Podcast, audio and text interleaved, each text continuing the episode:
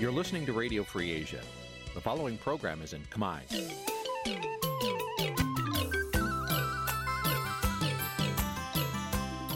Nǐ chi càm bi tiệp xáy vệt chiu a zì sê នេះជាកម្មវិធីផ្សាយរបស់ Vithu Azisari ជាភាសាខ្មែរ វិទ្យុអាស៊ីសេរីសូមស្វាគមន៍លោកអ្នកនាងទាំងអស់ពីរដ្ឋធានី Washington នៃសហរដ្ឋអាមេរិក ពីរដ្ឋធានី Washington នាងខ្ញុំសុជីវីសូមជម្រាបសួរលោកអ្នកនាងកញ្ញាដែលកំពុងស្ដាប់ Vithu Azisari ទាំងអស់ជាទីមេត្រីយើងខ្ញុំសូមជូនកម្មវិធីផ្សាយសម្រាប់ព្រឹកថ្ងៃច័ន្ទ10កើតខែមិញឆ្នាំថោះបัญចស័កពុរសករាជ2567ដែលត្រូវនៅថ្ងៃទី19ខែកុម្ភៈគ្រិស្តសករាជ2024ជាដំបូងនេះសូមអញ្ជើញលោកអ្នកនាងស្ដាប់ព័ត៌មានប្រចាំថ្ងៃដែលមានមេត្តាដូចតទៅ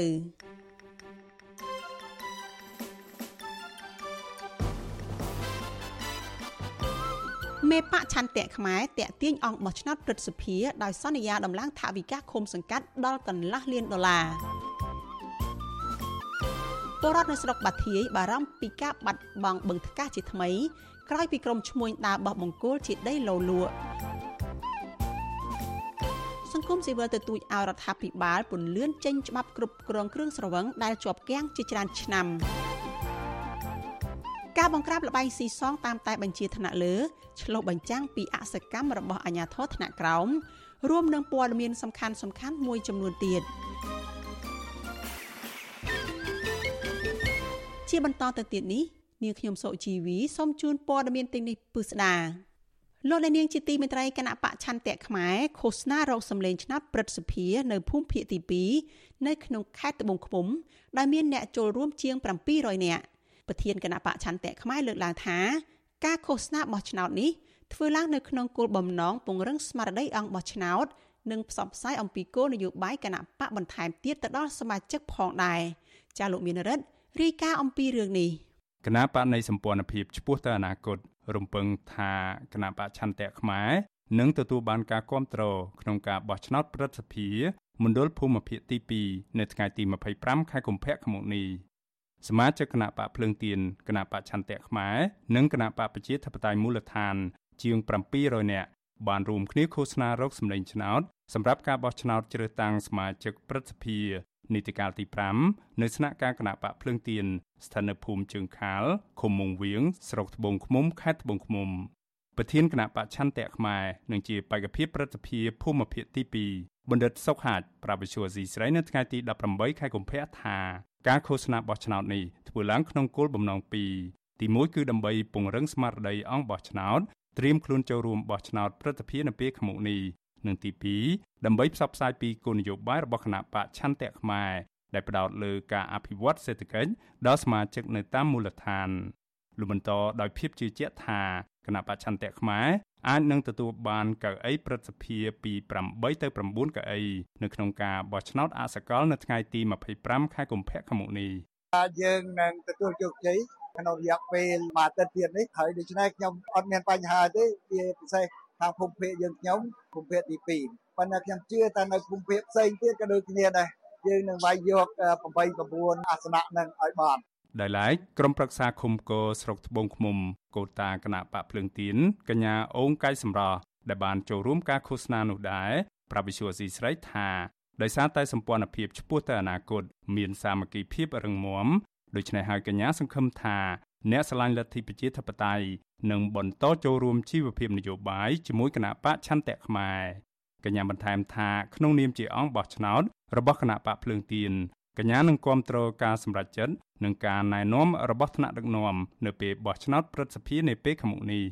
ធម្មតាអ្នកប្រជាធិបតេយ្យគាត់ដឹងខ្លួនឯងគាត់ច្បាស់ហើយគាត់អត់ចង់បានចំនួនគឺ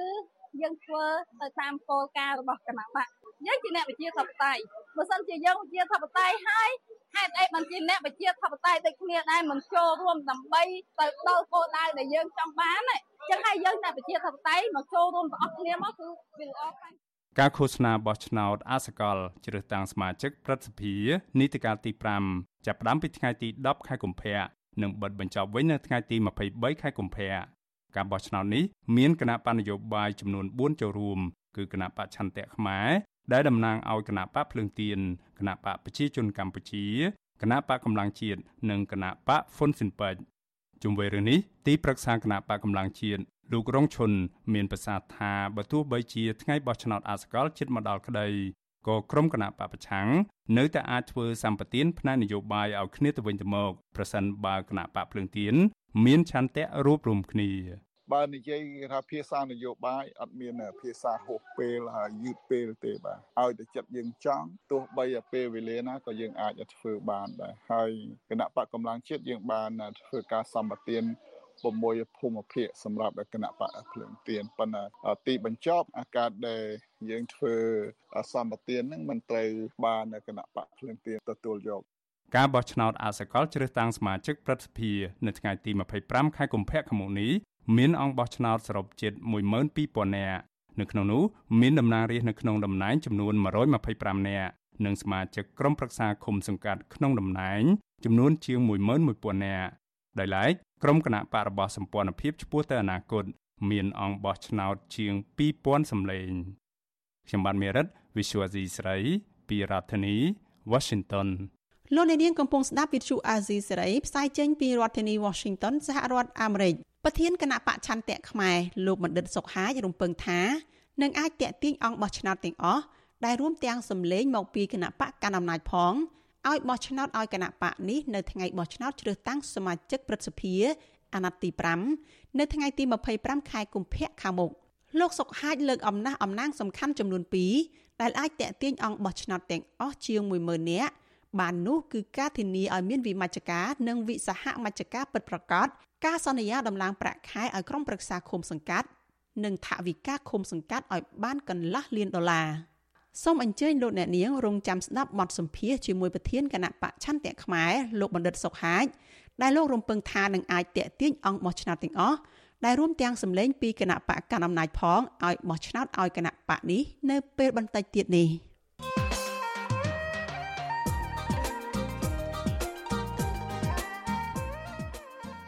បាទលោកនាងកញ្ញាប្រិមម្នាក់ស្ដាប់ជាទីមេត្រី កម្ពុជានឹងរៀបចំការបោះឆ្នោតជ្រើសតាំងសមាជិកព្រឹទ្ធសភាអាណត្តិទី5នៅថ្ងៃអាទិត្យទី25ខែកុម្ភៈចុងសប្តាហ៍នេះ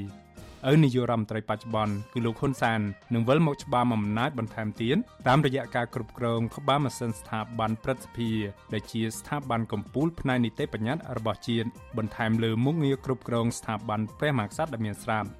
ការនេះធ្វើឲ្យកម្ពុជាក្លាយជាប្រទេសតែមួយគត់នៅលើពិភពលោកដែលមានកូនកូននិងឪពុកមកពីត្រកូលតែមួយគ្រប់គ្រងស្ថាប័នកម្ពុជាកម្ពុជារបស់ជាតិដែលអាចប៉ះពាល់ធ្ងន់ធ្ងរដល់តុល្យភាពអំណាចនិងការប្រើប្រាស់អំណាចខុសច្បាប់ដោយគ្មានប្រព័ន្ធត្រួតពិនិត្យឯករាជ្យ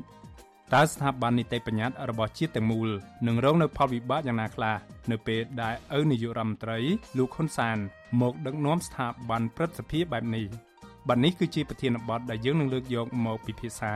នៅក្នុងនេតិវេទិកាអ្នកស្ដាប់វិទ្យុអាស៊ីស្រីនៅយប់ថ្ងៃអង្គារទី20ខែកុម្ភៈនេះ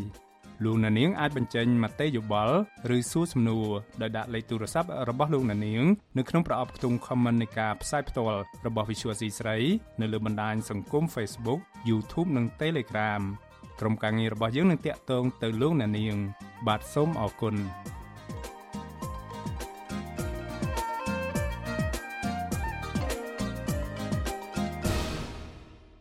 លោកអ្នកនាងជាទីមេត្រីក្រុមអង្គការសង្គមស៊ីវិលជិត10ស្ថាប័នកាលពីថ្ងៃទី18ខែកុម្ភៈម្សិលមិញរួមគ្នាប្រារព្ធពិធីបុណ្យផ្សព្វផ្សាយគ្រោះថ្នាក់ដែលបង្កឡើងដោយសារគ្រឿងស្រវឹងនិងស្នើឲ្យរដ្ឋាភិបាលពន្យាអនុវត្តច្បាប់ស្ដីពីការគ្រប់គ្រងផលិតផលគ្រឿងស្រវឹងឲ្យបានឆាប់ក្រុមអង្គការសង្គមស៊ីវិលនិងពលរដ្ឋលើកឡើងថាគ្រឿងស្រវឹងធ្វើឲ្យសង្គមកម្ពុជាជួបបញ្ហាអសន្តិសុខនិងបាត់បង់ធនធានមនុស្សចាលោកជីវតារាយការណ៍ព័ត៌មាននេះ អង្គការសង្គមស៊ីវិលនិងសមាគមជិត10ស្ថាប័ននាំគ្នាប្រារព្ធពិធីផ្សព្វផ្សាយពីគ្រឿងស្រវឹងក្រុមប្រធានបទសង្កហកម្មលើកកម្ពស់អភិបាលលើអបាយមុខគ្រឿងស្រវឹងដើម្បីសេចក្តីសុខនិងភាពរុងរឿងនៅកម្ពុជាពិធីនេះធ្វើនៅបរិវេណវត្តសំពៅមាសក្នុងរាជធានីភ្នំពេញដោយមានអ្នកចូលរួមប្រមាណ200នាក់ប្រធានមជ្ឈមណ្ឌលប្រជាពលរដ្ឋដើម្បីអភិវឌ្ឍនិងសន្តិភាពលោកយងកំឯង ដែលបានចូលរួមក្នុងពិធីនេះថ្លែងថាការជំរុញឲ្យរដ្ឋាភិបាលពន្លឿនអនុម័តច្បាប់ស្តីពីការគ្រប់គ្រងគ្រឿងស្រវឹងមិនមែនហាមឃាត់មិនឲ្យពលរដ្ឋផឹកស្រាបៀរនោះទេក៏ប៉ុន្តែការមានច្បាប់ទម្លាប់ត្រឹមត្រូវគឺជួយឲ្យប្រទេសជាតិមានសណ្ដាប់ធ្នាប់ យើងចង់ឃើញសក្តិព្រៀងច្បាប់ដែលជប់គៀងតាំងពីឆ្នាំ2015នឹងត្រូវបានរដ្ឋាភិបាលយកមកពិចារណានិងដាក់ជូនរដ្ឋសភាដើម្បីអនុម័តហើយច្បាប់នេះត្រូវតែដាក់ធាតុសំខាន់សំខាន់ចូលជាពិសេសគឺការហាមការផ្សាយពាណិជ្ជកម្មគ្រឿងសង្វឹងការតម្លើងពន្ធហើយនឹងការកម្រិតភាពងាយរកបាននៃគ្រឿងសង្វឹងការកម្រិតភាពងាយរកបាននៃគ្រឿងសង្វឹងនេះដូចជាគេឲ្យមានអាជ្ញាប័ណ្ណនៅក្នុងការលក់ដូរគេ ប្រធានសមាគមប្រជាធិបតេយ្យឯករាជ្យនៃសេដ្ឋកិច្ចក្រៅប្រព័ន្ធលោកវុនពៅ សង្កេតឃើញថា បច្ចុប្បន្នក្រុមហ៊ុនស្រាបៀរមួយចំនួនជួលតារាល្បីៗឲ្យជួយផ្សព្វផ្សាយគ្រឿងស្រវឹងយ៉ាងអនាធបត័យដែលជាការលើកទឹកចិត្តឲ្យពលរដ្ឋនាំគ្នាទិញផឹកលោកបន្តថា នៅពេលមនុស្សផឹកគ្រឿងស្រវឹងធ្វើឲ្យពួកគេបាត់បង់ស្មារតីដែលជាហេតុបង្កឲ្យមានគ្រោះថ្នាក់ចរាចរណ៍កើតមាននៅតាមដងផ្លូវជាពិសេសពេលយប់ សម្បូរជនជាតិចិនចូលតាមក្លឹបអានឹងនិយាយត្រង់ត្រង់តាមក្លឹបមួយចំនួនធំជនជាតិចិនច្រើនណាស់បើកបរបង្កគ្រោះថ្នាក់ចរាចរណ៍ហើយជនជាតិចិនដែលជួលឡានខ្មែរបើកនេះអត់ចេះច្បាប់ចរាចរណ៍ស្រុកយើងណាទេហើយស្នើទៅដល់ប៉ូលីសចរាចរណ៍ទាំងអស់ពិនិត្យឡើងវិញជនបរទេសទាំងឡាយណាដែលមិនមានបានបើកបរដែលទទួលស្គាល់ដោយរាជរដ្ឋាភិបាលកម្ពុជាត្រូវទប់ស្កាត់ជាបន្ទាន់ដើម្បីសម្រួលកុំឲ្យគ្រោះថ្នាក់ចរាចរណ៍ការមានឡើងតទៅទៀតនេះជាការសំណពរដោយទទូច ក្រៅពីតំណាងមន្ត្រីអង្គការសង្គមស៊ីវិលឡើងសម្ដែងមតិពីក្តីបារម្ភរបស់ខ្លួនហើយនោះនៅមានពលរដ្ឋប្រសង់និងជនរងគ្រោះមួយចំនួន បានឡើងបង្ហាញពីបញ្ហារបស់ពួកគាត់ផងដែរពួកគាត់អះអាងថា បញ្ហាគ្រឿងស្រវឹងនេះបានបង្កឲ្យមានអំពើហិង្សានៅក្នុងគ្រួសារអំពើអសន្តិសុខនៅក្នុងសហគមន៍ការធ្លាក់ចុះសិលធម៌សង្គមជាដើមក្រុមអង្គការសង្គមស៊ីវិលក៏បានចេញសេចក្តីថ្លែងការណ៍រួមមួយ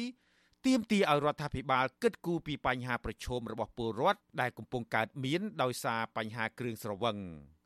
ពួកគាត់រកឃើញថាអ្នកប្រើប្រាស់គ្រឿងស្រវឹងបានបង្កគ្រោះថ្នាក់ចរាចរណ៍ធ្ងន់ធ្ងរទៅលើស្ត្រីនិងកុមារនៅតាមដងផ្លូវលើសពីនេះអ្នកប្រើប្រាស់គ្រឿងស្រវឹងប្រឈមនឹងជំងឺជាង200មុខយុវជនបោះបង់ការសិក្សា ដែលក្លាយជាបន្ទុកសង្គមជាដើម។ ពួកគាត់អំពាវនាវឲ្យរដ្ឋាភិបាល ដាក់ចេញនៅច្បាប់គ្រប់គ្រងគ្រឿងស្រវឹងដើម្បីដំឡើងពន្ធលើការនាំចូល ហាមឃាត់ក្រុមស្រាបៀរណាដែលផ្សព្វផ្សាយពាណិជ្ជកម្មហួសហេតុនិងកំណត់អាយុអ្នកប្រើប្រាស់ព្រមទាំងកំណត់ចំនួនអ្នកផឹកស្រាបៀរផងដែរវិទ្យុអាស៊ីសេរីមិនអាចតាក់ទងអ្នកនាំពាក្យក្រសួងមហាផ្ទៃលោកខៀវសុភ័ក្រនិងអ្នកនាំពាក្យក្រសួងព័ត៌មានលោកទេពអសនារិទ្ធដើម្បីសូមការបកស្រាយជុំវិញបញ្ហានេះបានទេ នៅថ្ងៃទី18កុម្ភៈ ប្រធានវិជាស្ថានប្រជាធិបតេយ្យកម្ពុជាបណ្ឌិតប៉ាច័ន្ទរឿនបានថ្លែងក្នុងពិធីនោះថាការពន្លឿនច្បាប់ស្តីពីការគ្រប់គ្រងគ្រឿងសង្វឹងគឺជារឿងចាំបាច់ដើម្បីជួយដល់ពលរដ្ឋនិងលើកកម្ពស់ក្រមសីលធម៌សង្គមលោកបន្តថាពលរដ្ឋស្លូតត្រង់នឹងក្លាយជាជនរងគ្រោះតទៅទៀតប្រសិនបើគ្មានច្បាប់រឹតបន្តឹងលើអ្នកផឹកគ្រឿងសង្វឹងនោះទេរឿងការពន្លឿនច្បាប់ ដើម្បីគ្រប់គ្រងគ្រឿងសង្វឹងនេះគឺជារឿងចាំបាច់ដើម្បីការពារយើងទាំងអស់គ្នាយើងអាចយកអ្នកណាមកការពារយើងបានទេណាមានតែច្បាប់ទេទៅបានការពារយើងបានទី2ការពន្លឿនច្បាប់ស្ដីពីការគ្រប់គ្រងគ្រឿងសង្វឹងនេះគឺជារឿងចាំបាច់សម្រាប់រដ្ឋាភិបាលនៅក្នុងអាណត្តិទី7នេះហេតុអីរដ្ឋាភិបាលបានដាក់ចេញនូវគោលនយោបាយមួយចំនួនទាក់ទងនឹងការគាំពៀសុខុមាលភាពគាំពៀសង្គមដល់ប្រជាពលរដ្ឋកាលពីឆ្នាំ2015 ក្រសួងសុខាភិបាលបានធ្វើសេចក្តីព្រាងច្បាប់ស្តីពីការត្រួតពិនិត្យផលិតផលគ្រឿងស្រវឹងក្នុងគោលបំណងដើម្បីការពារសុខភាពសាធារណៈនិងកាត់បន្ថយផលប៉ះពាល់សេដ្ឋកិច្ចនិងសង្គមក៏ប៉ុន្តែសេចក្តីព្រាងច្បាប់នេះត្រូវបានជាប់គាំងដោយសាររដ្ឋាភិបាលខ្លាចច្បាប់នេះអាចធ្វើឲ្យប៉ះពាល់ចំណូលពន្ធដាររបស់ជាតិខ្ញុំជីវិតាអាស៊ីសេរី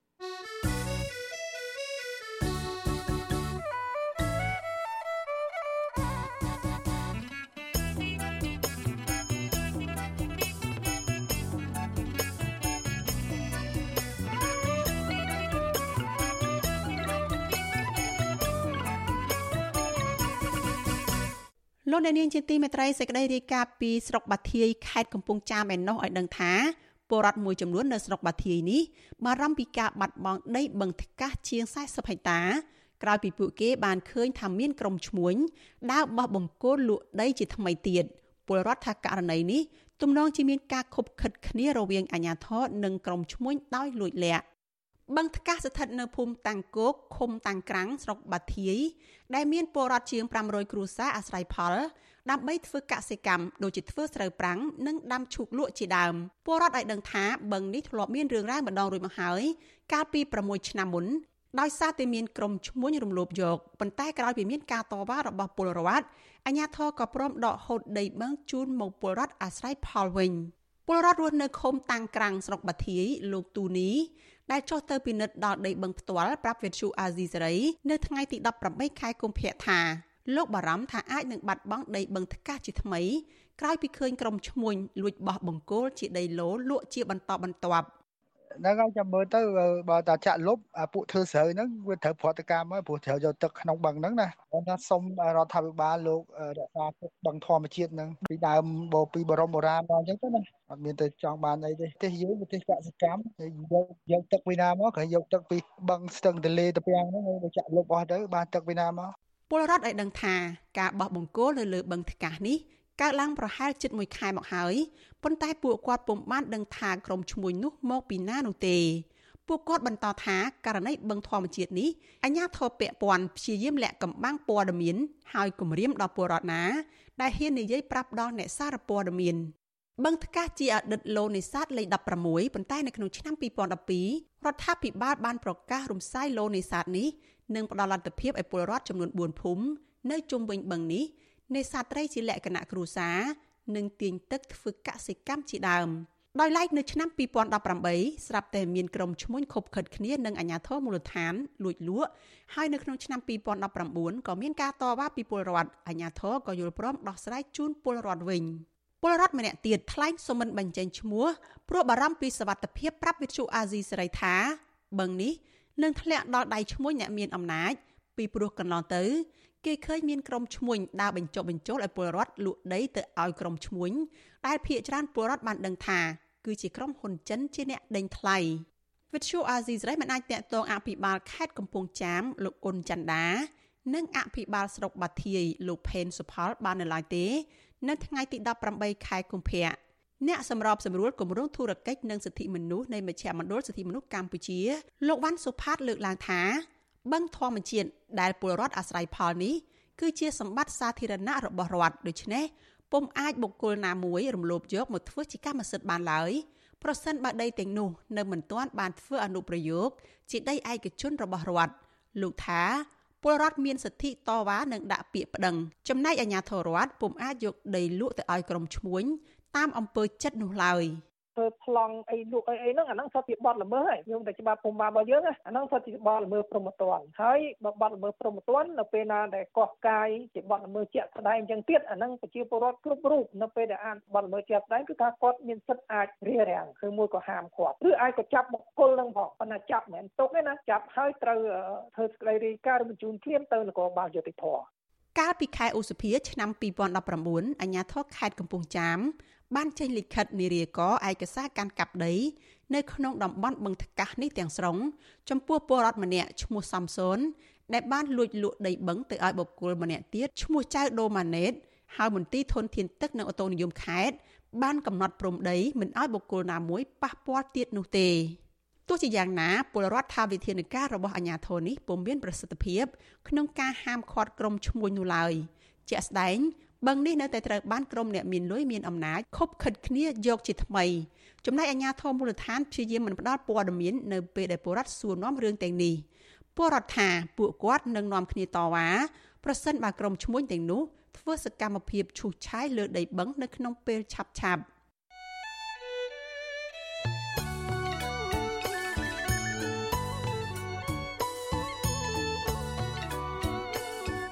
លោកអ្នកនាងកញ្ញាប្រិយមិត្តជាទីមេត្រី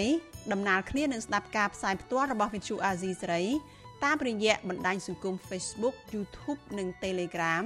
ចាលោកអ្នកនាងក៏អាចស្ដាប់ការផ្សាយរបស់យើងតាមរយៈវិទ្យុរលកធាតុអាកាសខ្លីចាតាមកម្រិតនិងកម្ពស់ដូចតទៅនេះពេលព្រឹកចាប់ពីម៉ោង5កន្លះដល់ម៉ោង6កន្លះតាមរយៈ post SW 93.90 MHz ស្មើនឹងកម្ពស់ 32m និង post SW 11.85 MHz ស្មើនឹងកម្ពស់ 25m ពេលយប់ចាប់ពីម៉ោង7កន្លះដល់ម៉ោង8កន្លះតាមរយៈ post SW 93.30 MHz ស្មើនឹងកម្ពស់ 32m post SW 11.88 MHz ស្មើនឹងកម្ពស់ 25m និង post SW 15.15 MHz ស្មើនឹងកម្ពស់ 20m ចាសសូមអរគុណ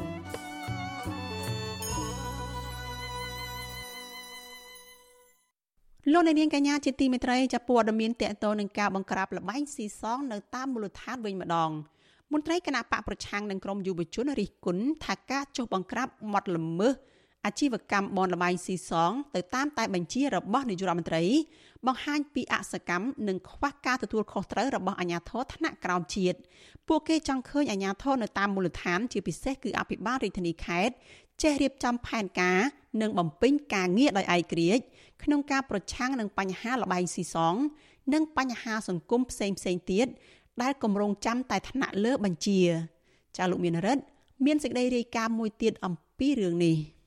អញ្ញាធរថ្នាក់ក្រោមជាតិចាប់ផ្ដើមត្រួតពិនិត្យអាជីវកម្មបនលបែងគណៈអភិបាលខេត្តមួយចំនួនហាក់ខ្នះខ្នែងបើកកិច្ចប្រជុំជាមួយសមាជិកក្នុងការរឹតបន្តឹងច្បាប់បន្ទាប់ពីលោកនាយរដ្ឋមន្ត្រីហ៊ុនម៉ាណែតថ្មីថ្មីនេះ បញ្ជាឲ្យសមាជិកនៅទូទាំងប្រទេសបង្ក្រាបអាជីវកម្មលបែងស៊ីសង ដែលនៅតែបន្តបើកថ្មីថ្មីបន្ថែមទៀត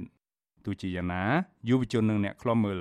រិះគន់ចំណាត់ការរបស់អាជ្ញាធរថ្នាក់ក្រោមជាតិថាការធ្វើបែបនេះគ្មានប្រសិទ្ធភាពនៅក្នុងការលុបបំបាត់បញ្ហាលបែងស៊ីសងជាយូរអង្វែងនោះទេដោយសារតែអាជ្ញាធរគ្មានឆន្ទៈនៅក្នុងការបំពេញតួនាទីពលគឺចាំតែស្ដាប់តាមមេការរបស់ខ្លួន នៅក្នុងការបង្ក្រាបលបែងស៊ីសង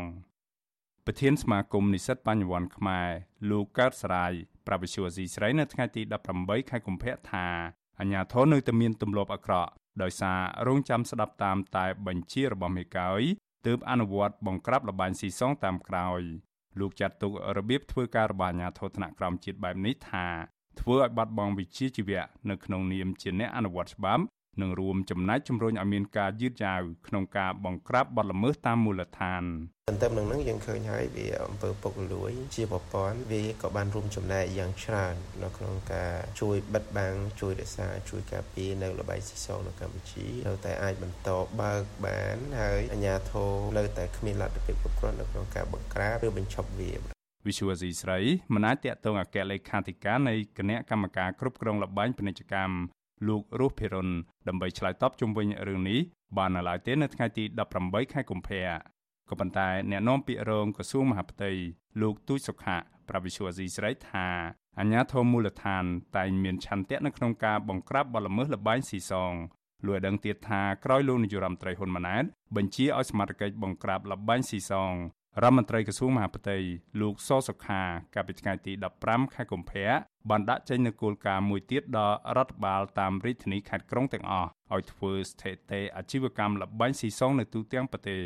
លោកបញ្ជាក់ថាគោលការណ៍នេះគឺដើម្បីពិនិត្យរាល់អាជីវកម្មបលបែងចាស់ចាស់សម្រាប់ឈានដល់ការបង្ក្រាបអាជីវកម្មលបែងស៊ីសងដែលជន់ល្មើសលួចបន្លំបើកអាជីវកម្មថ្មីថ្មីដោយគ្មានច្បាប់អនុញ្ញាត រដ្ឋបាលរាជធានីខេត្តនីមួយនីមួយគឺបានដឹកនាំប្រជុំ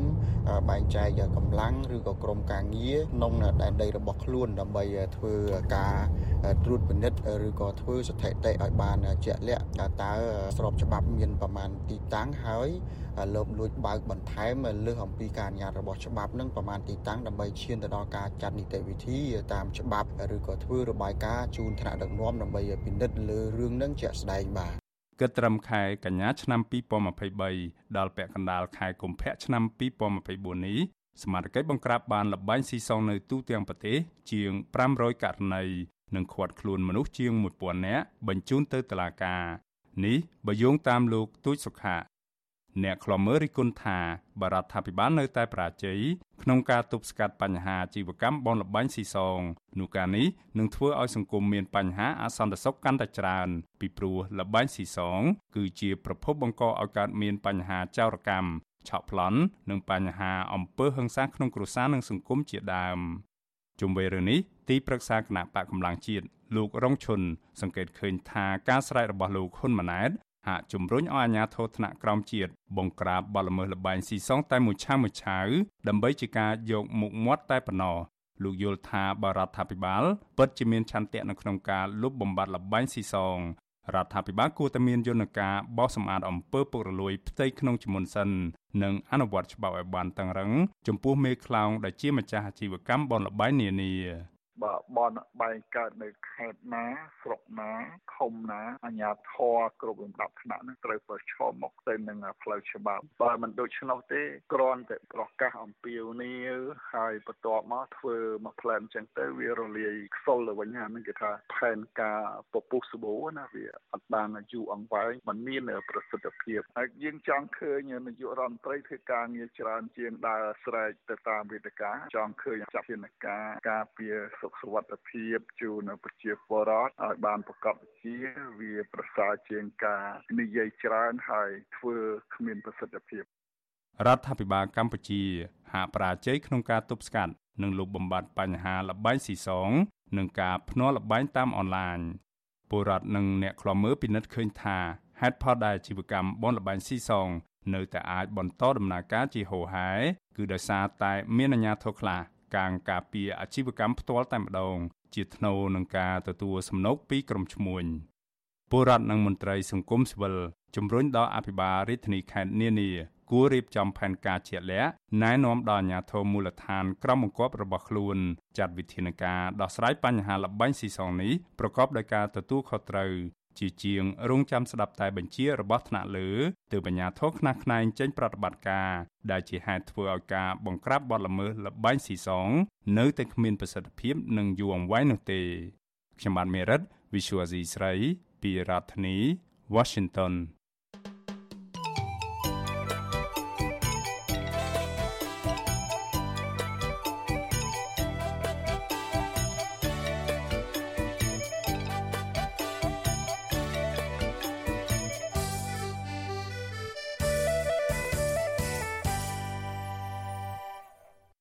អ្នកនាងកញ្ញាប្រិយមិត្តអ្នកស្ដាប់ជាទីមេត្រីនៅឯខេត្តកំពង់ស្ពឺឯណោះតុលាការខេត្តកំពង់ស្ពឺសម្រាប់ឃុំខ្លួនប្រធានសហជីពប្រចាំរោងចក្រ Winstar Shoe ពីបទលួចក្រោយពីប្រធានសហជីពរូបនេះព្យាយាមបង្កើតសហជីពការពារកម្មករនៅកន្លែងការងារ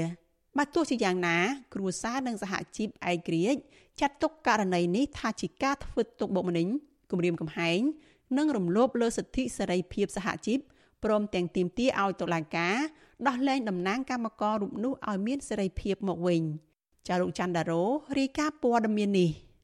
ចៅក្រមស៊ើបសួរនៃសាលាដំបងខេត្តកំពង់ស្ពឺ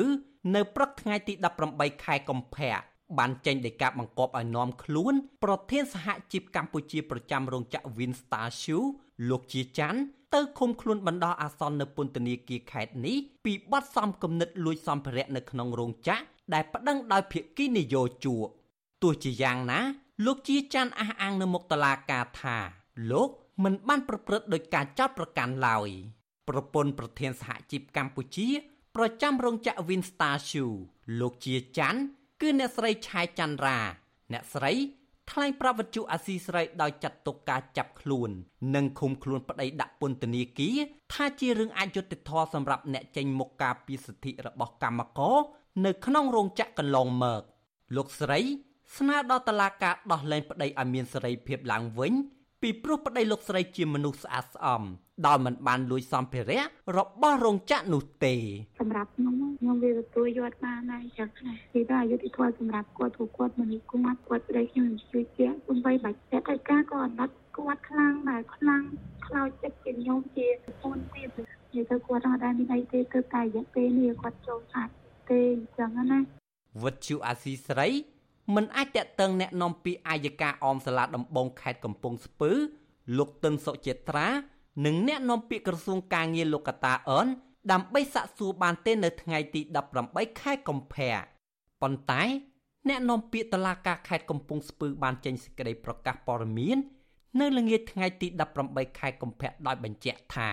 តំណាងអាយកាបានស៊ើបសួរលើជនត្រូវចោទឈ្មោះជាច័ន្ទពីបទសំគំនិតក្នុងអំពើលួច និងឈ្មោះដួងសំណាងដែលកំពុងកិច្ចខ្លួនពីបទលួចដោយប្រព្រឹត្តនៅរោងចក្រស្បែកជើង Wingstar Shoe កាលពីអំឡុងឆ្នាំ2022ប្រពន្ធដដែលអះអាងថាការសម្រេចឃុំខ្លួនប្រធានសហជីពលោកជាច័ន្ទបណ្ដោះអាសន្ននេះបន្ទាប់ពីចៅក្រមស៊ើបសួរបានសាកសួរជនត្រូវចោទនិងពិនិត្យភស្តុតាង ចំណែកជនត្រូវចោទកិច្ចខ្លួនវិញតុលាការនឹងបន្តចាត់ការតាមនីតិវិធីសមត្ថកិច្ចខេត្តកំពង់ស្ពឺ បានចាប់ឃាត់ខ្លួនលោកជាច័ន្ទនៅក្នុងរោងចក្រ Winstar Shoe នៅក្នុងស្រុកកងពិសីកាលពីថ្ងៃទី15ខែកុម្ភៈដោយគ្មានបញ្ជាក់ពីមូលហេតុឬបង្ហាញនៃការចាប់ខ្លួនឡើយការចាប់ខ្លួននេះក្រោយពេលលោកបានព្យាយាមបង្កើតសហជីពឯករាជ្យនៅកន្លែងធ្វើការសហព័ន្ធសហជីពកម្ពុជា កាលពីថ្ងៃទី17ខែកុម្ភៈបានចេញសេចក្តីថ្លែងការណ៍ដោយលើកឡើងថាលោកជាច័ន្ទ រួមជាមួយស្ថាបនិកសហជីព9នាក់ទៀតត្រូវបានក្រុមកម្មការបោះឆ្នោតជ្រើសរើសឲ្យក្លាយទៅជាតំណាងកាលពីថ្ងៃទី10ខែមករាប៉ុន្តែក្រោយពួកគេជូនដំណឹងស្ដីពីការបង្កើតសហជីពស្រាប់តែភាគីក្រុមហ៊ុន បានព្យាយាមបញ្ចុះបញ្ចោនិងផ្ញើសារបំផិតបំភ័យក្នុងគោលបំណងឲ្យលោកជាច័ន្ទនិងសមាជិកស្ថាបនិកសហជីពផ្សេងទៀតបោះបង់ការបង្កើតសហជីពដើម្បីការពារសិទ្ធិនៅកន្លែងធ្វើការ តែយ៉ាងណា លោកជាច័ន្ទនិងសមាជិកទាំងអស់នៅតែរក្សាជំហរបង្កើតសហជីពនិងដំណើរការចុះបញ្ជីការនៅក្រសួងកាងាររហូតដល់ភាគីក្រុមហ៊ុនរៀបចំរឿងចោតប្រកាន់ដើម្បីប្តឹងទៅតុលាការខណៈលោកជាច័ន្ទនិងសមាជិកផ្សេងទៀតមិនបានដឹងឬពាក់ព័ន្ធនឹងទង្វើលួចណាមួយនោះទេជុំវិញរឿងនេះប្រធានសម្ព័ន្ធសហជីពកម្ពុជាអ្នកស្រីយ៉ាងសុភ័ណ្ឌថ្លែងថា ការដែលតឡាការខេត្តកំពង់ស្ពឺយកករណីអ្នកដតីលួចម៉ូទ័រនៅក្នុងរោងចក្រ Wingstar Shoe កើតឡើងរយៈពេល2ឆ្នាំមុនដើម្បីចាប់ប្រកាន់ចាប់ខ្លួនថ្នាក់ដឹកនាំសហជីពលោកជាច័ន្ទដាក់ពន្ធនាគារដោយមិនពាក់ព័ន្ធអ្វីនោះគឺជារឿងមិនត្រឹមត្រូវអ្នកស្រីមើលឃើញថាករណីនេះជាការធ្វើទុកបុកម្នេញនឹងរើសអើងដោយសារតែភាគីក្រុមហ៊ុនខឹងសម្បាលោកជាច័ន្ទបង្កើតសហជីពការពារសិទ្ធិ និងផលប្រយោជន៍របស់កម្មករ។មិនគួរគ្រាន់តែគាត់ប្រទះទឹក ក្នុងការចងក្រងសហជីពត្រូវបានធ្វើទុកបុកម្នេញគាត់សពតែយ៉ាងហើយបន្ទាប់មកបង្ខំគាត់ពង្រៀនបង្ហាញគាត់ហើយរហូតដល់គាត់មិនព្រមឈប់ហើយប្រើលេសផ្សេងផ្សេងដែលមិនសមស្របរឿងនឹងតាំងពីប្រហែលឆ្នាំហើយហើយគាត់មិនដឹងដឹងរឿងនេះនឹងច្បាស់លាស់មិនមិនផងហើយគាត់គ្រាន់តែដល់លឺតាមគេហើយមកចាប់ប្រកាន់គាត់ចាប់ខ្លួនគាត់អីចឹងខ្ញុំគិតថាវាជារឿងមួយដែលអត់ត្រឹមត្រូវទេអញ្ចឹងខ្ញុំមើលទៅហាក់ដូចជារៀបចំដោយតកហល់ហើយមានការសហការគ្នាចាត់សហព័ន្ធសហជីពកម្ពុជា ចាត់ទុកសកម្មភាពចាប់ខ្លួន និងចាប់ប្រកាន់លោកជាច័ន្ទថាជាការរំលោភបំពាននិងគំរាមកំហែងធ្ងន់ធ្ងរមកលើសេរីភាពផ្នែកសហជីពដែលធានាដោយច្បាប់ជាតិនិងអនុសញ្ញារបស់អង្គការអន្តរជាតិខាងការងារផងដែរសហព័ន្ធសហជីពកម្ពុជា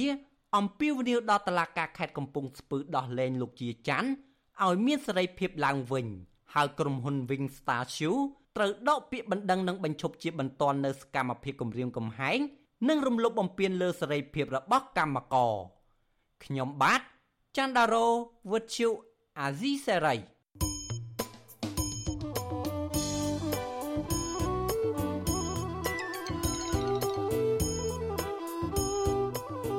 លោកអ្នកនាងកញ្ញាប្រិយមិត្តអ្នកស្ដាប់ជាទីមេត្រី ចាយើងបានទទួលសំណូមពរពីអ្នកស្ដាប់និងអ្នកទស្សនារបស់យើងច្រើនណាស់ថាកុំឲ្យវិទ្យុអាស៊ីសេរីដាក់ចំណងជើងផ្ទុយពីខ្លឹមសារនៃព័ត៌មានឧទាហរណ៍ដូចជាដាក់ចំណងជើងថា Vivo ហើយលោកហ៊ុនសែនត្រូវតុលាការព្រហ្មទណ្ឌអន្តរជាតិ ICC យកទៅកាត់ទោសជាដើមក៏ប៉ុន្តែនៅពេលចុចស្ដាប់ទៅមិនលឺនិយាយអំពីរឿងនោះសោះចាយើងខ្ញុំសូមជម្រាបជូនថាការដាក់ចំណងជើងខុសពីខ្លឹមសារព័ត៌មានទាំងនេះ គឺជាការបោកប្រាស់របស់ក្រុមរកស៊ីតាម YouTube ដើម្បីរកលុយតែប៉ុណ្ណោះពួកគេលួចយកខ្លឹមសារនៃការផ្សាយរបស់ Vithu Azizi សេរីរួចយកទៅកាត់តបដូរចំណងជើងទៅតាមរបៀបប្លែកប្លែកហួហេតុខុសពីការពិតក្នុងគោលបំណងដើម្បីតាក់ទាញចិត្តលោកអ្នកនាងកញ្ញាឲ្យទៅចុចស្ដាប់ឬចុចទស្សនាដើម្បីបាន view ឬចំនួនអ្នកទស្សនាច្រើនមានអ្នកចុចស្ដាប់កាន់តែច្រើន ពួកគេក៏កាន់តែអាចរកប្រាក់ពីការបោកប្រាស់នោះបានកាន់តែច្រើនដែរ វិទ្យុអាស៊ីសេរីមិនដែលដាក់ចំណងជើងខុសពីខ្លឹមសារទេលោកអ្នកនាងកញ្ញាអាចចូលរួមជួយទប់ស្កាត់ការបោកប្រាស់ទាំងនេះបានដោយឈប់ទៅចុចស្ដាប់ឬទស្សនាការចុះផ្សាយណាដែលដាក់ចំណងជើងខុសប្លែកគួរឲ្យសង្ស័យទាំងនោះជាពិសេសទៅទៀតដើម្បីបានស្ដាប់ឬក៏ទស្សនាការផ្សាយពិតរបស់ Vithu Azizi សេរីចាសសូមអញ្ជើញលោកអ្នកនាងចូលទៅក្នុង Channel របស់ Vithu Azizi សេរីដែលមានអាសយដ្ឋាន www.youtube.com/ad RFA ខ្មែរចាសសូមអរគុណ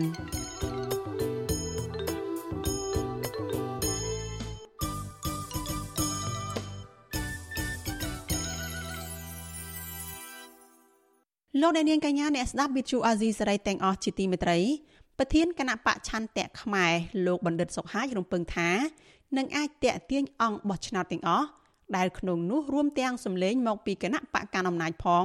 ឲ្យបោះឆ្នោតឲ្យគណៈបកនេះនៅថ្ងៃបោះឆ្នោតជ្រើសតាំងសមាជិកព្រឹទ្ធសភាអាណត្តិទី5នៅថ្ងៃទី25ខែកុម្ភៈខាងមុខលោកសុកហាជសំអាងលើអំណះអំណាងចំនួន2សំខាន់ដែលអាចតេទៀងអង្គបោះឆ្នោតទាំងអស់ជាង10000នាក់នោះគឺការធានាឲ្យមានវិមជ្ឈការនិងវិសហមជ្ឈការពិតប្រាកដ ការដំឡើងប្រាក់ខែឲ្យក្រុមប្រឹក្សាឃុំសង្កាត់និងដំឡើងថវិកាឃុំសង្កាត់ឲ្យបានកន្លះលានដុល្លារចាសសូមអញ្ជើញលោកអ្នកនាងស្ដាប់បទសម្ភាសជាមួយប្រធានគណៈបកឆន្ទៈខ្មែរលោកបណ្ឌិតសុកហាជដែលលោករំពឹងថានឹងអាចតេទៀងអង្គបោះឆ្នោតទាំងអស់ឲ្យបោះឆ្នោតឲ្យគណៈបកនេះដូចតទៅចា៎នេះខ្ញុំសូមជម្រាបសួរលោកបណ្ឌិតសុកហាជពីចម្ងាយចា៎ជម្រាបសួរ លោកមរិតសុខាជាតកតនឹងការរកសម្លេងឆ្នោតនេះលោកមរិតបានលើកឡើងមានសង្ឃឹមថាអាចនឹងរកសម្លេងបានពី7ទៅ8អាសនៈនៅក្នុងតំណែងព្រឹទ្ធសភានេះចាតើលោកមរិតអាចលើកឡើងជាតកលហិកឬក៏អំណះអំណាងយ៉ាងណាខ្លះចាអំពីក្តីសង្ឃឹមនេះនៅពេលដែលនៅពេលនេះយើងមើលឃើញថាមានការបែកខ្ញែកសម្លេងអង្គបោះឆ្នោតនឹងទៅខាងគណៈបក ដតីផ្សេងពីគណៈបកដែលជាសម្ព័ន្ធភាពនេះផងនឹងចា៎ជាការពិតហើយយើងទទួលសម្ពាធគ្រប់ទិសទីមិនត្រឹមតែទទួលសម្ពាធនៅក្នុងស្រុកទេគឺយើងទទួលសម្ពាធពីក្រៅស្រុកមកទៀតនោះប៉ុន្តែអត់អីទេយើងជាអ្នកដឹកនាំមួយសកម្មជនយើងក៏រឹងមាំណាស់អង្គបោះឆ្នោតយើងនឹងក៏រឹងមាំណាស់ខ្ញុំចុះទៅខាងត្បូងក្មុំក្តី ខាងកំពង់ចាមក្តីហើយនៅខេត្តផ្សេងផ្សេងទៀតក្តីហ្នឹងគឺមានភាពគឺរឹងមាំណាស់ខ្ញុំមានសុទ្ធិនិយមច្រើនណាសុទ្ធិនិយមខ្លាំងហ្មងហើយយើងមិនមែនសម្លឹងតែ2198ទេយើងសម្លឹងភ្នែកយើងធំជាងហ្នឹងតែយើងធំជាងហ្នឹងគឺយើងសម្លឹងដល់12000នាក់លោកមនិត12000នាក់នេះគឺសំដៅទៅដល់បងអង្គបោះឆ្នោតទាំងអស់សរុបដែលមានសម្លេងសម្រាប់ការបោះឆ្នោតប្រសិទ្ធភាពនោះតើ ក្តីសង្ឃឹមនឹងយ៉ាងម៉េចខ្លះចា៎នយោបាយរបស់ឆន្ទៈខ្មែរគឺធ្វើយ៉ាងណាឲ្យប្រទេសជាតិយើងរុងរឿងណាតាមរយៈការបោះឆ្នោតប្រសិទ្ធភាពតាមរយៈការបោះឆ្នោតក្រុមប្រឹក្សាស្រុកខណ្ឌអីហ្នឹងហើយនឹងក្រុមប្រឹក្សាខេត្តឥឡូវតើតើយើងធ្វើអីដើម្បីទាញបេះដូងអ្នកដែល12000អ្នកមិនមែនតែបេះដូង2200អ្នកហ្នឹងទេ ទី1គឺយើងមានគោលនយោបាយច្បាស់លាស់មួយគឺគោលនយោបាយវិមជ្ឈការនិងសហវិមជ្ឈការ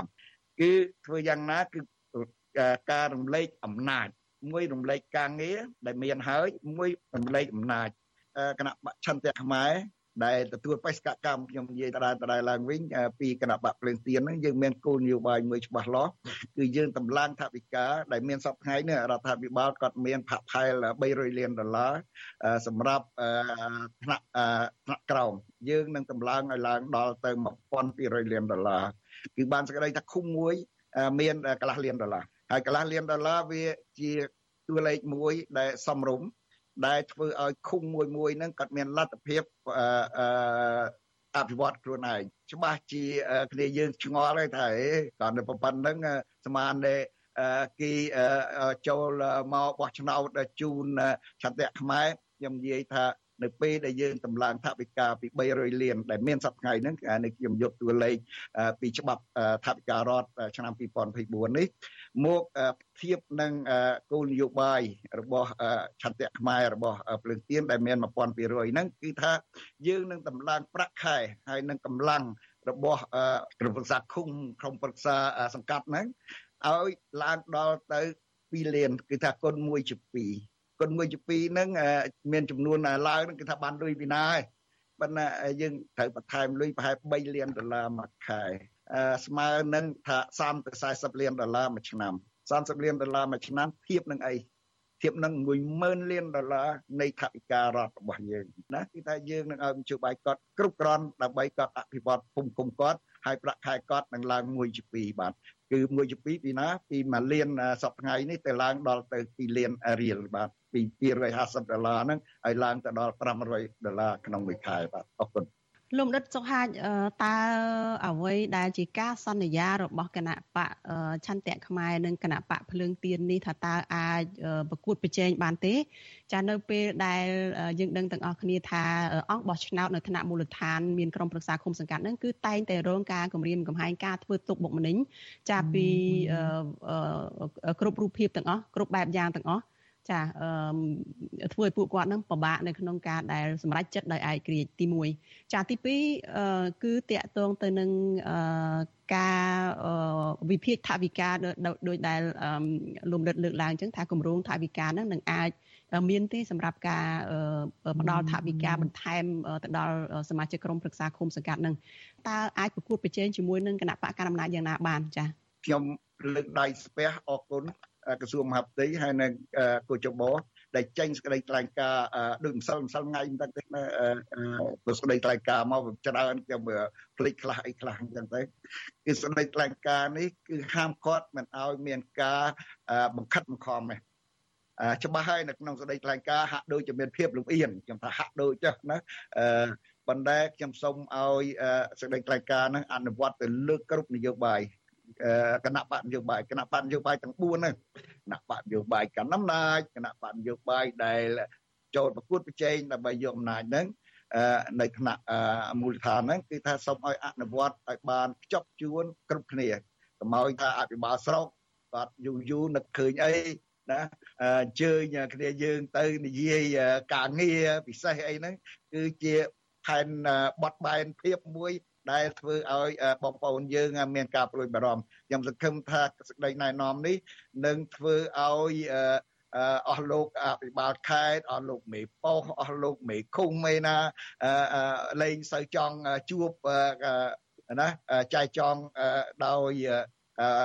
កតាណាមួយមកដល់សកម្មជនអង្គបោះឆ្នោតនៃគណៈបកភ្លឹងទៀននេះហើយ ដូច្នេះគឺខ្ញុំសូមអរគុណអរគុណដោយស្មោះណាអរគុណដោយស្មោះមិនមែនបច្ច័យបច្ច័យទេពីព្រោះហ្នឹងឯងដែលយើងចង់បានយើងអត់មានទៅចង់បានបខិតបខំណាទេហើយបើសិនគណៈបកភ្លើងទៀនអ្នកណាមួយបខិតបខំអង្គបោះឆ្នោតឲ្យទទួលខុសត្រូវមុខច្បាប់ទៅយើងខ្ញុំអត់អត់អត់អត់អត់អត់ចូលរួមទេថ្នាក់ដឹកនាំគឺអត់ចូលរួមទេថ្នាក់ដឹកនាំអបអសាទរនៅអ្វីដែលកោជប ហើយនឹងក្រសួងមហាផ្ទៃបានធ្វើសេចក្តីថ្លែងការណ៍នេះហេតុហ្នឹងហើយបានខ្ញុំនិយាយខ្ញុំឆ្លៀតទៅណានៅអង្គបោះឆ្នោត9000អ្នកផ្លាយហ្នឹងកុំខ្លាចកុំខ្លាចអីនៅក្នុងរង្វង់ការបោះឆ្នោតហ្នឹងណាបងប្អូនអាចបោះឆ្នោតឲ្យអ្នកណាក៏បានដែរបងប្អូនអាចបោះឆ្នោតឲ្យឆន្ទៈខាយក៏គ្មានអ្នកណាមករួបរឿងដែរ ណាហើយបើសិនជាបងប្អូនថាអេបោះឆ្នោតឲ្យចន្ទៈខ្មែរដោយមានសេចក្តីសង្ឃឹមមួយថាថ្ងៃណាមួយហើយខ្ញុំជឿថ្ងៃណាមួយមិនយូរទេយ៉ាងយូរ3ឆ្នាំទៀតណាបងប្អូននឹងបានប្រាក់ខែដែលសមរម្យណាហើយបងប្អូននឹងបាន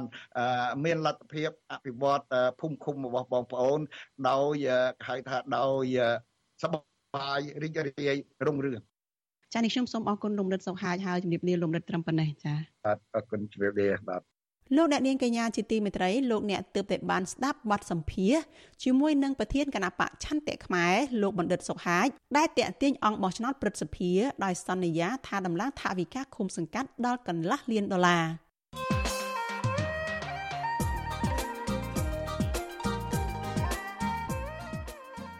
បាឡូណានីងកញ្ញាប្រិមម្នាក់ស្ដាប់ជាទីមេត្រី កម្ពុជានឹងរៀបចំការបោះឆ្នោតជ្រើសតាំងសមាជិកព្រឹទ្ធសភាអាណត្តិទី5នៅថ្ងៃអាទិត្យទី25ខែកុម្ភៈចុងសប្តាហ៍នេះឪនាយករដ្ឋមន្ត្រីបច្ចុប្បន្នគឺលោកហ៊ុនសាននឹងវិលមកច្បាមអំណាចបន្ថែមទៀតតាមរយៈការគ្រប់គ្រងក្បាលម៉ាស៊ីនស្ថាប័នព្រឹទ្ធសភាដែលជាស្ថាប័នកម្ពុជាផ្នែកនីតិបញ្ញត្តិរបស់ជាតិបន្ថែមលើមុខងារគ្រប់គ្រងស្ថាប័នព្រះមហាក្សត្រដែលមានស្រាប់។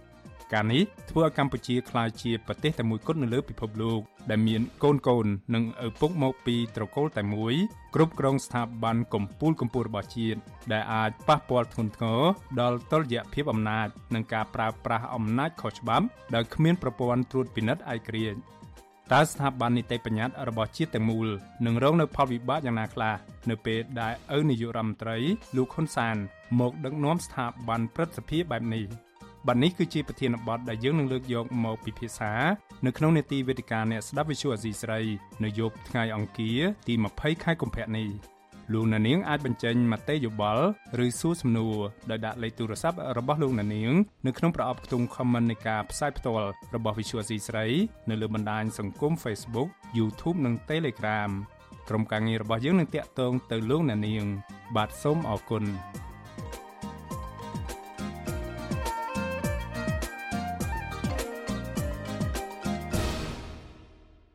លោកអ្នកនាងកញ្ញាប្រិយមិត្តអ្នកស្ដាប់ជាទីមេត្រីលោកអ្នកកំពុងស្ដាប់វិទ្យុអាស៊ីសេរីរដ្ឋាភិបាលថ្មីនៃប្រទេសកម្ពុជានិងថៃកើតបានជិត6ខែដូចគ្នា តែនៅប្រទេសថៃ អ្នកនយោបាយហាក់ព្យាយាមដើររកផ្លូវនៃការផ្សះផ្សាជាតិខណៈនៅកម្ពុជាក្រោមការដឹកនាំរបស់នាយករដ្ឋមន្ត្រីថ្មីលោកហ៊ុនម៉ាណែតជាតិហាក់កាន់តែបែកបាក់អ្នកខ្លំមើលនិងអ្នកនយោបាយក្រៅរដ្ឋាភិបាលអំពាវនាវឲ្យរដ្ឋាភិបាលកម្ពុជា រកវិធីផ្សះផ្សាជាមួយអ្នកនយោបាយមាននិន្នាការផ្ទុយដោយដោះលែងនិងបើកលំហសេរីភាពនយោបាយនៅកម្ពុជាឡើងវិញចាកញ្ញាខាន់លក្ខណារាយការណ៍ព័ត៌មាននេះរដ្ឋាភិបាលថ្មីរបស់ប្រទេសថៃ និងរដ្ឋាភិបាលចំនួនថ្មីនៅប្រទេសកម្ពុជាត្រូវបានបង្កើតឡើងនៅថ្ងៃទី22ខែសីហាឆ្នាំ2023ដូចគ្នាប៉ុន្តែដំណោះស្រាយនយោបាយដើម្បីផ្សះផ្សាបង្រួបបង្រួមជាតិថៃហាក់ខំព្យាយាមជាងកម្ពុជា រដ្ឋាភិបាលថ្មីថៃដែលដឹកនាំដោយលោកសេដ្ឋាថាវិសិនកើតពីការសម្របសម្រួលគ្នារវាងគណៈបកភឿថៃ ដែលស្ថិតនៅក្រោមឥទ្ធិពលគ្រួសារលោកថាក់ស៊ីនស៊ីនវត្រា ជាមួយគណៈបកដែលត្រួតត្រាដោយក្រមយោធា និងក្រមយោធាដែលគ្រប់គ្រងប្រសិទ្ធភាពរីឯរដ្ឋាភិបាលនៅកម្ពុជាត្រូវបានលោកហ៊ុនសែនផ្ទេរទៅឲ្យកូនប្រុសរបស់គាត់គឺលោកហ៊ុនម៉ាណែត តាមរយៈការបោះឆ្នោតខុសខ្លឹមសាររដ្ឋធម្មនុញ្ញនិងគៀបសង្កត់បកប្រឆាំងនៅប្រទេសថៃជិត6ខែមកនេះក្រៅពីការធ្វើឲ្យប្រសើរឡើងនៅស្ថានភាពសេដ្ឋកិច្ចសង្គមរដ្ឋាភិបាលថ្មីថៃក៏បានបង្ហាញឲ្យឃើញលទ្ធផលរីកចម្រើននយោបាយជាវិជ្ជមានគួរឲ្យកត់សម្គាល់នៅថ្ងៃទី24មករាតុលាការធម្មនុញ្ញថៃបានសម្រេចថា មេដឹកនាំដ៏មានប្រជាប្រិយនៃគណៈបកឈ្មោះទៅមុខគឺលោកភីថាលីមចរើមរ័ត្នអាចវើទៅកាន់ទូនាទីជាតំណាងរាស្ត្រវិញ ដោយតុលាការធម្មនុញ្ញថៃបញ្ជាក់ថា លោកមិនមានកំហុសក្នុងសំណុំរឿងភិហ៊ុនទូរទស្សន៍ ITV នោះទេ និងគ្រាន់តែកំណត់ឲ្យគណៈបកឈ្មោះទៅមុខ ទម្លាក់ចោលនៅកម្មវិធីនយោបាយនៃការប៉ុនប៉ងធ្វើវិសោធនកម្មច្បាប់តាក់ទងនឹងមេត្រាប្រមាថព្រះមហាក្សត្រហើយនេះក៏ជាសញ្ញាជួយប្រាប់ជាមុនអំពីលទ្ធភាពបញ្ជាការរំលាយគណៈបកឈ្មោះទៅមុខបរិយាកាសល្អមួយទៀតនៅប្រទេសថៃគឺនៅថ្ងៃទី18កុម្ភៈនៅពេលលោកថាក់ស៊ីនស៊ីណាវ៉ាត្រាអតីតនាយករដ្ឋមន្ត្រីថៃត្រូវបានតុលាការដោះលែងឲ្យមានសេរីភាពឡើងវិញ បន្ទាប់ពីមានការបន្ធូរបន្ថយទោសចំនួន7ឆ្នាំពីព្រះមហាក្សត្រនិងចុងក្រោយដោះលែងឲ្យមានសេរីភាពទាំងស្រុង6ខែក្រោយដំណើរមាតុភូមិនិវត្តចូលប្រទេសថៃរបស់លោកចំណែកនៅប្រទេសកម្ពុជាវិញរដ្ឋាភិបាលថ្មីកើតបាន76ខែដូចនៅប្រទេសថៃមែនតែស្ថានភាពនយោបាយនៅកម្ពុជា គឺកាន់តែតានតឹងឡើង នៅចំពេលស្ថានភាពសេដ្ឋកិច្ចសង្គមកាន់តែដុនដាប មេដឹកនាំគណៈបកសង្គ្រោះជាតិលោកកឹមសុខា ដែលទៅបានឡើងតតាំងក្តីនៅសាលាធរជាថ្មីទៀតក្នុងសំណុំរឿងក្បត់ជាតិកាលពីថ្ងៃទី30ខែមករាហើយតុលាការកំណត់ថានឹងចប់នៅខែឧសភានោះនៅមិនទាន់ឃើញមានពន្លឺសេរីភាពសម្រាប់អ្នកនយោបាយបកប្រឆាំងចាស់វសារូបនេះនៅឡើយ រីឯមេដឹកនាំប្រជាធិបតេយ្យដ៏មានសក្តានុពលមួយរូបទៀតគឺលោកសំរងស៊ីដែលកំពុងរស់នៅในប្រទេសខ្លួនក៏ត្រូវលោកហ៊ុនសែននិងកូនប្រុសគឺលោកនាយករដ្ឋមន្ត្រីហ៊ុនម៉ាណែតប្រកាសមិនព្រមទម្លាក់ចោលនយោបាយចងអាឃាតលើមេដឹកនាំបកប្រឆាំងរូបនេះឡើយម្យ៉ាងទៀតមិនត្រឹមតែលោកសំរងស៊ីទេ គឺសំបីតែសកម្មជននយោបាយរហូតដល់អ្នកនយោបាយជាន់ខ្ពស់ ដែលធ្លាប់ជាសហការីលោកសំរងស៊ីក៏ត្រូវបានលោកហ៊ុនសែននិងគណៈបកប្រជាជនកម្ពុជាធ្វើទុកបុកម្នេញយ៉ាងចាស់ដៃចាប់តាំងពីការរំលាយគណៈបកសង្គ្រោះជាតិកាលពីចុងឆ្នាំ2017មកសកម្មជននយោបាយបកប្រឆាំងជាច្រើនរូបត្រូវបានចាប់ដាក់គុកខណៈដែលសកម្មជនមួយចំនួនត្រូវបានគេវាយឲ្យរងរបួសធ្ងន់ខ្លះដល់ពីការខ្លួនខ្លះទៀតបាត់បង់ជីវិតយ៉ាងអយុត្តិធម៌ ចុងក្រោយនេះទៀតអនុប្រធានគណៈបកភ្លើងទៀនលោកថៃស៊ីថាត្រូវបានចាប់ដាក់គុកហើយទីប្រឹក្សាគណៈបកភ្លើងទៀនលោកកងគំត្រូវបានរឹបអូសយកផ្ទះកណ្ដាលទីក្រុង ស្របពេលដែលអតីតអនុប្រធានគណៈបកភ្លើងទៀននិងបច្ចុប្បន្នជាអនុប្រធានគណៈបកឆន្ទៈខ្មែរលោកសុនឆៃត្រូវបានតុលាការក្រោមឥទ្ធិពលលោកហ៊ុនសែន គៀបឲ្យសងជំងឺចិត្តគណៈបកប្រជាជនកម្ពុជា និងគណៈកម្មាធិការជាតិរៀបចំការបោះឆ្នោត រហូតដល់ជាង1លានដុល្លារតាក់ទងនឹងករណីសំណុំរឿងលោកសុនឆៃនេះលោកហ៊ុនសែនបានបង្កើតកម្ដៅនយោបាយមុនការបោះឆ្នោតប្រសិទ្ធភាពដោយប្រធានគណៈបកប្រជាជនកម្ពុជាប្រកាសនៅលើបណ្ដាញសង្គម Facebook របស់លោកកាលពីថ្ងៃទី4កុម្ភៈ ថាគ្មានការយោគយល់សម្រាប់អ្នកណា ដែលវាយប្រហារលើគណៈបកប្រជាជនកម្ពុជាទៀតទេនឹងចេញពីសារនយោបាយនេះក៏រៀបដាលដល់ការប្តឹងអ្នកនាំពាក្យសមាគមការពារសិទ្ធិមនុស្សអាត់ហុកលោកសង្សានករណា ទៅកាន់តុលាការយ៉ាងអយុត្តិធម៌ថែមទៀតអ្នកប្រឹក្សាយោបល់ផ្នែកអភិវឌ្ឍផ្នែកគំនិតនិងការស្រាវជ្រាវលោកសេចក្ដីជាតិប្រាប់វិសុអាស៊ីសេរីនៅថ្ងៃទី18កុម្ភៈថា ប្រការសំខាន់គឺចេតនារបស់អ្នកដឹកនាំ លោកបញ្យលថាចេតនារបស់អ្នកនយោបាយថៃដើម្បីកុំឲ្យដំណើរការសេដ្ឋកិច្ចនិងយុត្តិធម៌សង្គមរបស់ជាតិគេត្រូវជាប់គាំងពួកគេរកវិធីនិងដាក់ចេញនៅគោលការណ៍ដោះស្រាយបញ្ហានយោបាយប៉ុន្តែនៅកម្ពុជា អ្នកនយោបាយហាក់មិនខំស្វះស្វែងរកដំណោះស្រាយនយោបាយដើម្បីឈានដល់ការផ្សះផ្សា និងបង្រួបបង្រួមជាតិនោះទេហាក់បីដូចជាគ្មានសញ្ញាវិជ្ជមានណាមួយសម្រាប់អ្នក ធ្វើនយោបាយក្រៅរដ្ឋាភិបាលទេនៅកម្ពុជានៅពេលដែលគេកំពុងតែធ្វើការរឹតបន្តឹងតែខ្លាំងខ្លាឡើងនៅក្នុងការដាក់សម្ពាធទៅលើគណៈបកក្រៅរដ្ឋាភិបាលជាពិសេសគឺអ្នកដែលស្ថិតនៅក្នុងគណៈបកដែលមានអធិពលហើយគិតថាអាចប្រជែងអំណាចជាមួយនឹងគណៈបកកណ្ដាលអំណាចនៅពេលបច្ចុប្បន្ននឹងបាទ ទីប្រឹក្សាគណៈបកកម្លាំងជាតិលោករងឈុនប្រាប់វិសុអាស៊ីសេរីនៅថ្ងៃទី18កុម្ភៈថាសម្រាប់ស្ថានភាពកម្ពុជា ប្រការសំខាន់បំផុត គឺឯកភាពជាតិលោកថាមានឯកភាពជាតិទៅបានលុះត្រាតែដាក់គោលដៅផ្សះផ្សាបង្រួបបង្រួមជាតិដោយការដោះស្រាយបញ្ហានយោបាយនិងផ្ដល់សេរីភាពឲ្យអ្នកនយោបាយទាំងអស់ទាំងអ្នកនៅក្នុងប្រទេសនិងអ្នកនៅក្រៅប្រទេសឲ្យចូលរួមប្រគួតប្រជែងឡើងវិញ រួមទាំងការបើកលំហសេរីភាពសិទ្ធិមនុស្សនិងសហជីពដូចជាការរំលឹកជារឿយៗរបស់សហគមន៍អន្តរជាតិហើយយើងមើលប្រទេសសៀមទៅក្រោយរដ្ឋាភិបាលពេលវេលាដូចគ្នាប៉ុន្តែ វិនិយោគគេក៏ការកើនឡើងទេសចរគេក៏កើនឡើងហើយគេមានរាការដោះលែងអ្នកនយោបាយបន្តបន្ទាប់អាហ្នឹងដែលជាជំរើសល្អសម្រាប់រដ្ឋាភិបាលគេដែលគេគិតគូរអំពីប្រយោជន៍ជាតិ ជៀសវាងថាការគិតគូរអំពីថាបុគ្គលខ្លួនឯងអញ្ចឹងសូមឲ្យរដ្ឋាភិបាលកម្ពុជានឹងត្រូវតែមើលបាទមើលប្រទេសគេចិត្តខាងផងហើយត្រូវតែមានការលើកលែងការដោះលែងអ្នកនយោបាយនៅកម្ពុជានឹងឲ្យមានសេរីភាពហើយយើងប្រកួតប្រជែងគ្នាតាមរយៈការបោះឆ្នោតវាជាការល្អប្រសើរបាទយ៉ាងណាអ្នកនាំពាក្យគណៈបកប្រជាជនកម្ពុជាលោកសុកអេសានបានឆ្លើយតបថា អ្នកស្នើឲ្យបើកលំហសេរីភាពនយោបាយនៅកម្ពុជា គឺជាអ្នកដែលមិនយល់អំពីសភាពការការពិតនៅកម្ពុជា លោកឆ្លៀតចំអកឲ្យក្រុមអ្នកដែលធ្វើបាតកម្មប្រឆាំងលោកហ៊ុនម៉ាណែតនៅប្រទេសអូស្ត្រាលី ថាជាក្រុមអ្នកដែលរស់នៅប្រទេសប្រជាធិបតេយ្យតែមិនយល់ប្រជាធិបតេយ្យហើយការប្រឆាំងនោះគ្មានប្រយោជន៍អ្វីទេ គឺគ្រាន់តែជាមតិប្រឆាំងកំបីកំពកគាត់ចង់ឲ្យបើកលំហនយោបាយអីទៀតបើសពថ្ងៃកម្ពុជាកំពុងតែមានលំហនយោបាយយ៉ាងទូលំទូលាយហើយគេរស់នៅ7ដណ្ដប់លានអ្នកគេរស់នៅដោយសុខសប្បាយ ក្រោមដំបូលសន្តិភាពស្ថិរភាពនយោបាយសុខដុមរមនានៅក្នុងសង្គមជាតិទូទាំងប្រទេសនឹងហើយមានអីបើកលំហនយោបាយទៀតអនុប្រធានគណៈបកឆន្ទៈខ្មែរលោកសុនឆៃប្រាប់វិសុអាស៊ីសេរីនៅថ្ងៃទី18កុម្ភៈថា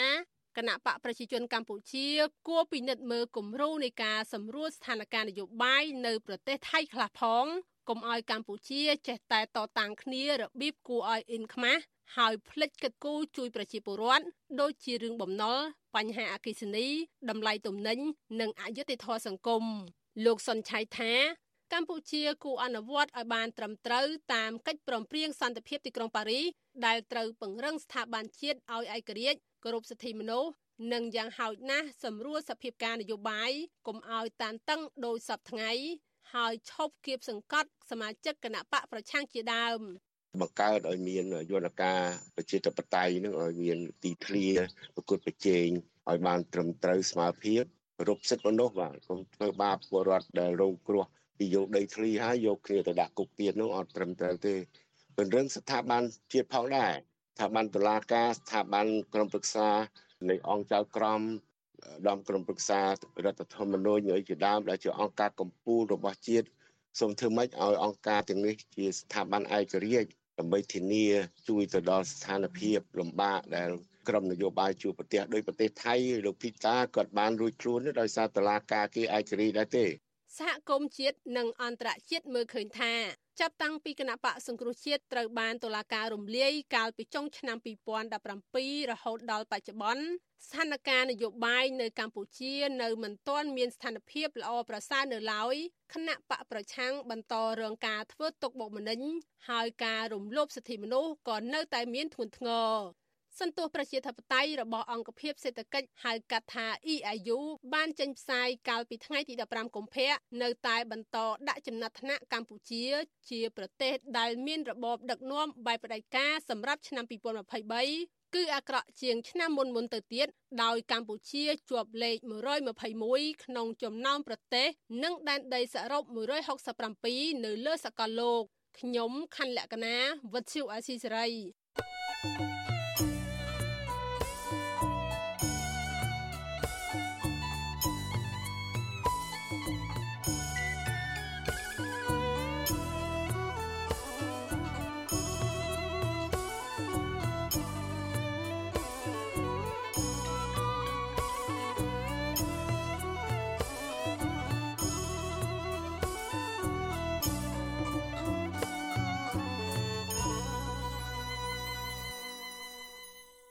លោកអ្នកនាងកញ្ញាប្រិយមិត្តអ្នកស្ដាប់វិទ្យុអាស៊ីសេរីទាំងអស់ជាទីមេត្រី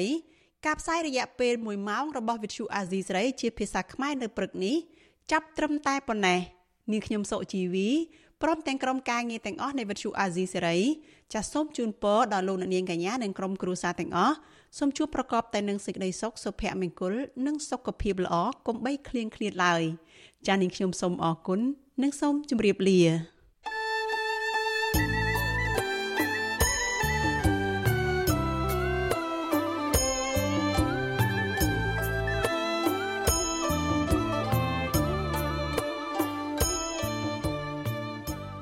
ទ្យុអេស៊ីសរ៉ៃផ្សាយតាមរលក ធារកាសខ្លីតាមកម្រិត និងកម្ពស់ដូចតទៅនេះ ពេលព្រឹកចាប់ពីម៉ោង5កន្លះដល់ម៉ោង6កន្លះតាមរយៈប៉ុស SW 93.90 MHz ស្មើនឹងកម្ពស់ 32m និងប៉ុស SW 11.85 MHz ស្មើនឹងកម្ពស់ 25m ពេលយប់ចាប់ពីម៉ោង7កន្លះដល់ម៉ោង8កន្លះតាមរយៈប៉ុស SW 93.30 MHz ស្មើនឹងកម្ពស់ 32m ប៉ុស SW 11.88 MHz ស្មើនឹងកម្ពស់ 25m និងប៉ុស SW 15.15 MHz ស្មើនឹងកម្ពស់ 20m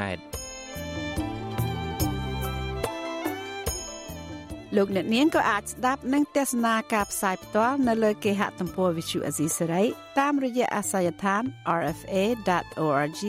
ខ្មែរក្រៅពីនេះលោកអ្នកនាងក៏អាចអាននិងទស្សនាព័ត៌មាន Visual Asia សេរីលើទូរស័ព្ទដៃរបស់លោកអ្នកនាងផ្ទាល់ សូមអញ្ជើញលោកអ្នកនាងដំឡើងកម្មវិធី Vithu Azizi សេរីនៅលើទូរស័ព្ទដៃរបស់លោកអ្នកនាងឬស្វែងរក Vithu Azizi សេរីនៅលើ YouTube ឬ Facebook ដោយស្វែងរកពាក្យថា Vithu Azizi សេរីឬ RFA ខ្មែរ